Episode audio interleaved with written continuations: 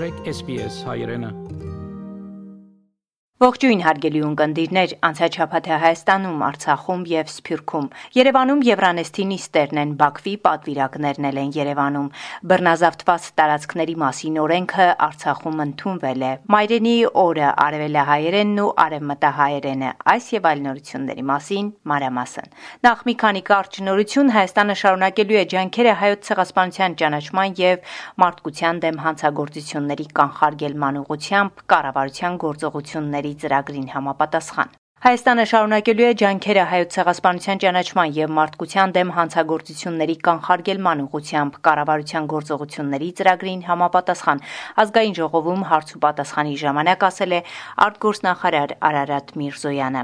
Միացյալ Նահանգների պետքարտուղար Անթոնի Բլինքենը հերախոսազրույց է ունեցել Թուրքիայի արտգործնախարար Մևլութ Չավուշօղլուի հետ հայտնում է պետքարտուղարությունը։ Նշվում է, որ քննարկվել են նաեւ հայ-թուրքական հարաբերությունների կարգավորման գործընթացը եւ եւ լրացուցիչ քայլերը, որոնք Միացյալ Նահանգները կարող է ձեռնարկել աջակցելու այդ ջանքերին։ Փետրվարի 21-ին հերախոսազրույց է տեղի ունեցել Հայաստանի վարչապետ Նիկոլ Փաշինյանի եւ Ռուսաստանի նախագահ Վլադիմիր Պուտինի միջև։ Երկու երկրների ղեկավարները քննարկել են 2020 թվականի նոյեմբերի 9-ի, 2021 թվականի հունվարի 11-ի եւ նոյեմբերի 16-ի երակողմ հայտարարություններով ձեռք բերված պայմանավորվածությունների կատարման ընթացքը։ Ռուսաստանի նախագահը Հայաստանի վարչապետին հրա հրավիրել է Գառնանը պաշտոնական այցով մեկնել Մոսկվա, Հայաստանի վարչապետն էլ իր հերթին Վլադիմիր Պուտինին հրավիրել է Հայաստան։ Ադրբեջանի Մեջլիսի երկու падգամավորներ ժամանել են Երևան մասնակցելու Евրանեստի խորհրդարանական վեհաժողովի նիստերին։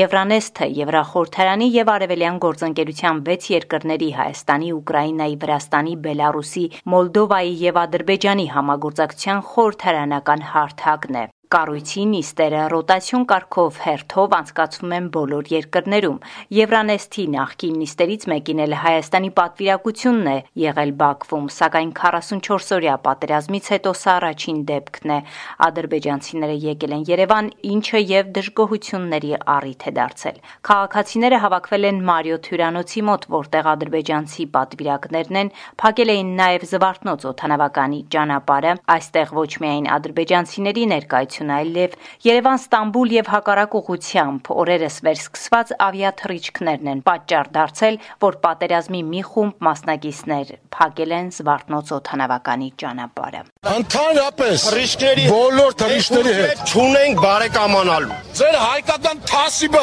ձեր հայկական ինքնասիրությունով է ամնացել։ Մեր հայոց ազգային ժողովում են գտնվում թուրք-ադրբեջանական գործակալական ցանցը։ Պահանջում ենք, չկա բարեկամություն Թուրքի հետ։ Եվրանեստի խորհրդարանական վեհաժողովի նիստերը փետրվարի 21-ին եւ 22-ին են այդ կապակցությամբ մարզահամերգային համալիրի մոտ նախատեսվում են բողոքի ակցիաներ։ Եվրանեստում հայաստանյան պատվիրակության ղեկավար Մարիա Կարապետյանն ասել է, որ Հայաստանը ադրբեջանցի պատվիրակներին տվել է անվտանգության երաշխիքներ, փոխադարձ այցերի ժամանակ այդ ընթացակարգը նախատեսված է ասել է նա։ Ես հասկանում եմ, որ կա հավելյալ զգայունություն, որ դա Հայաստանի Հանրապետության մայրաքաղաք Երևանն է, բայց երկրները հյուրընկալում են այսպիսի խորհրդարանական վեհաժողով։ Մեր հերթն է այդ հյուրընկալությունը պատշաճ կերպով, բարձր մակարդակով կազմակերպել Հայաստան ժամանած բոլոր հյուրերի համար։ Որ շատ կարևոր է երկխոսելը, այո, ըստ անհրաժեշտության, բայց այս պայդրությամբ Հայաստանի Հանրապետության մայրաքաղաք Երևանում նման բան չի նախատեսվում։ Հաջորդ շաբաթ ազգային ժողովում գումարվելու է արտահերթ նիստ օրակարգային մեկ հարցով նախաձեռնողն ընդդիմադիր Հայաստան խմբակցությունն է։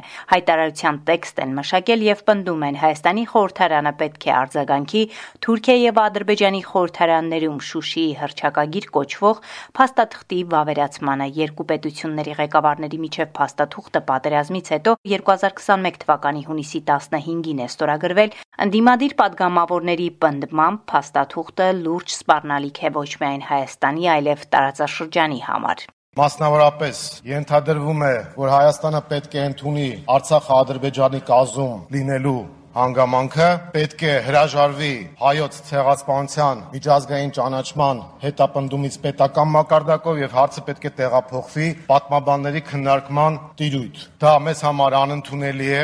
Հայաստանի նախկին նախագահ Ռոբերտ Քոչարյանը հերթական ծավալուն մամուլի ասուրիսն է տվել, ասել, որ պատերազմից հետո ոչինչ չի արվել բանակի մարտունակության ուղղությամբ, պետք է խորացնել համագործակցությունը Ռուսաստանի հետ Իսկ թե ինչ կարծիքի է Հայաստանի երկրորդ նախագահը Ռուսաստանի հետ ընդհանուր միութենական պետության մասին, ասել է. Կան լրջագույն օրակարգային հարցեր, որոնց,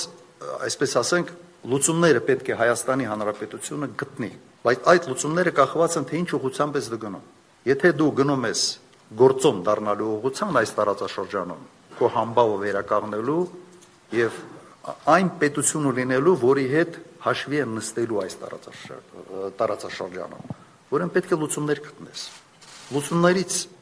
հնարավոր լուծումներից մեկը կարող է լինել այդ միութենական պետության շրջանակներում, կարող է լինել։ Հասկանում եք, բայց այսօր իսկապես դա չկա եւ այդ process-ի նախաձեռնողը պետք է լինի Հայաստանի Հանրապետության իշխանություն։ Ինքը պետք է ասի այս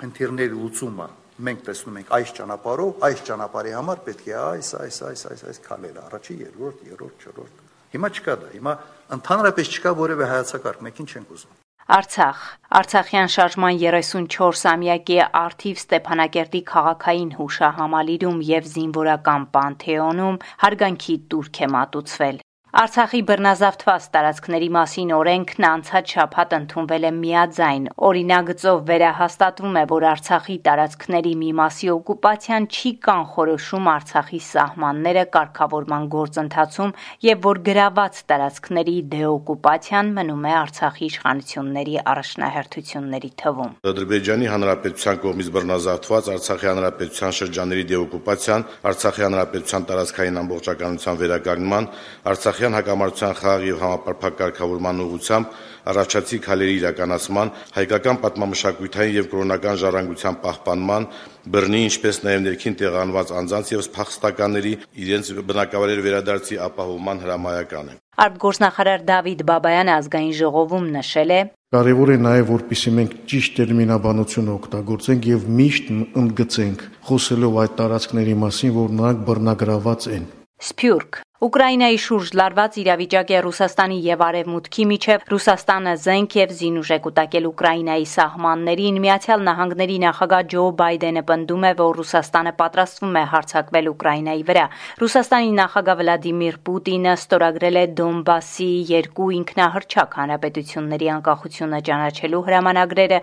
այս տարածքներում Դոնբասում, Լոգանսկում եւ Դոնեցկում լարված իրավիճակ է բնակչության մի մասն արդեն տեղա տեղահանվել է ոչ պաշտոնական տվյալներով այս շրջաններում 55000 հայ է ապրում։ Նրանք չեն տեղահանվել, հանրային ռադիոյի հետ զրույցում պատմել են հայ համայնքի ներկայացուցիչները, ասել են, որ որոշել են, եթե իրավիճակը լարվի, դուրս կգան միասին հայ համայնքով կոնկրետ մեր մոտ շատ լարված չի, որովհետև կրակոցները մեզանից հեռու են։ Մենք դեռ տեղում ենք, բայց պայմանավորվածություն կա, եթե դուրս գանք բոլորս միասին, այսինքն հայերով պետք է հավաքվենք, միասին դուրս գանք։ Փետրվարի 21-ը Մայրենի օրն է. Պատմական հանգամանքների բերումով հայ ժողովրդի Մայրենին գործառնական երկու տարբերակ ունի արևելահայերենն ու արևմտահայերենը։ Ի տարբերություն արևելահայերենի, որն իր զարգացումը շարունակել է բնորանում, 20-րդ դարաշրջանից ցեղասպանության հետևանքով արևմտահայերենը զրկվել է հայրենիքից։ Հայաստանի հանրային ռադիոն եւ հեռուստատեսությունը վերջին տարիներին սկսել են արևմտահայերենով հաղորդումներ պահպանելու այն Սիրիահայ Անի Զեյթունցյանը, որ արևմտահայերեն հաղորդումների մեկնաբանն է, SBS-ի հետ զրույցում ասել է. Եվս Փյուրքի մեջ եւ Հայաստանի մեջ պիտի բահենք մեր լեզուն, բայց խոսքով չէ, այլ կորձով։ Ես պիտի խնդրեի աճակցություն բոլոր անոնք, որոնք արևմտահայ են, չփոխեն իրենց լեզուն, որովհետև Հայաստանը չարքիլ էր, որ մենք այստեղ փոխենք մեր լեզուն, չսեր որ մի խոսիր արևմտահայերեն։ Իսկապես քեղեցիկ է, հարստություն է ունենալ երկջուղ լեզու, արևելահայ եւ արևմտահայ պետք է միշտ շեշտենք, որ սա փարփար չէ, սա լեզու է։ Այսօր սփյուռքահայ հատվածը դագավին սփյուռքի մեջ ապրող եւ միջին արևելքի մեջ եւ Ամերիկայի մեջ եւ Եվրոպայի մեջ, Ավստրալիո մեջ մենք ունենք հսկա զանգվածը արևմտահայ հատվածեն փաղկացած, որոնք կդիրաբեդեն այս լեզուն եւ շատ մաքուր արևմտահայերեն գխոսին։ Ուրեմն դեր գանքնինք մեր ունեցած մշակույթին։ Մենք հսկա հարստություն ունենք այս լեզվով թողած։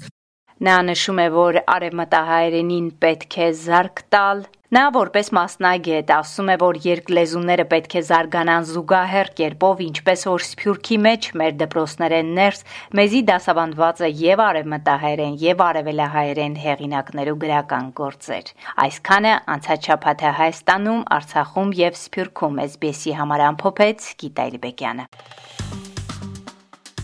Հավնե, լայք, բաժնեկցե, դարձիկը թայտնե, հետեւե SBS հայրենին թիմադեդի վրա։